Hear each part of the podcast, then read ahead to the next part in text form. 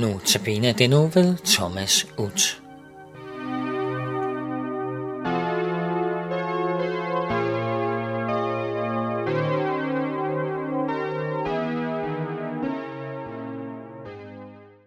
Og se, jeg sender det, min far har lovet jer.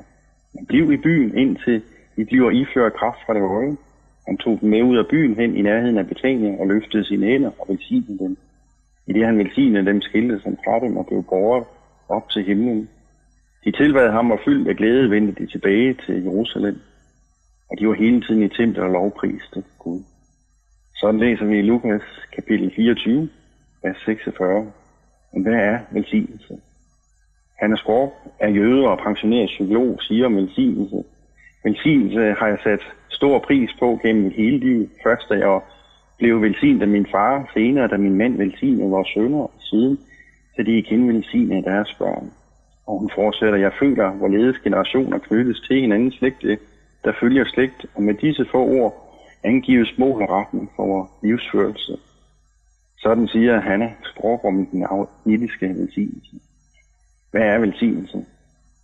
Præsterne strøger om sig med den til dåb og konfirmation og bryllup og begravelse med gudstjeneste til ungens gudstjeneste.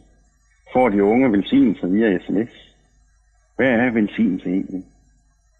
Salm 94 fortæller os, at det er en velsignelse at blive i rettesat af Herren, for man lærer at adlyde hans lov. Man slipper nu for en masse problemer, og han overvinder alle ens fjender.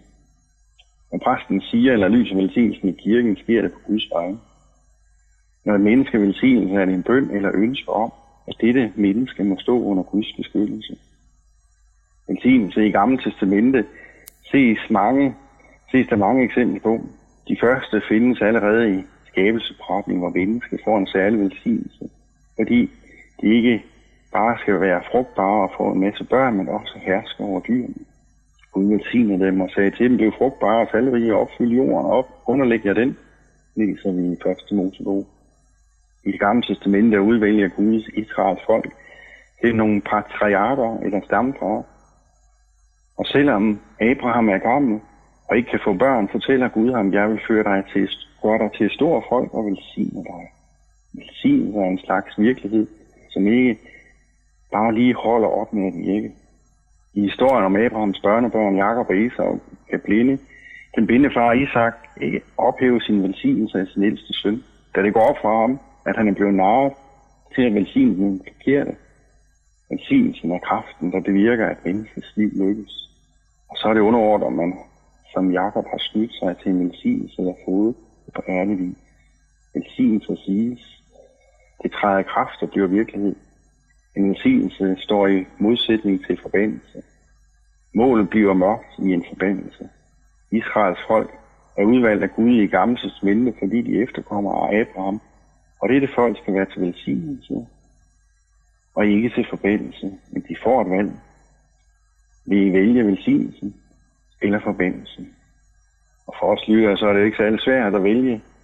Folk kan enten vælge at holde Guds bud eller bryde pakten et liv uden eller med Gud. Vi vil naturligvis vælge natur og med velsignelsen. I det nye testamente er der en vigtig faktor. Velsignelse i det nye testamente kommer til at handle om frelsesvirkelighed, der er nært forestående, når Guds rige kommer. Og Guds rige kommer.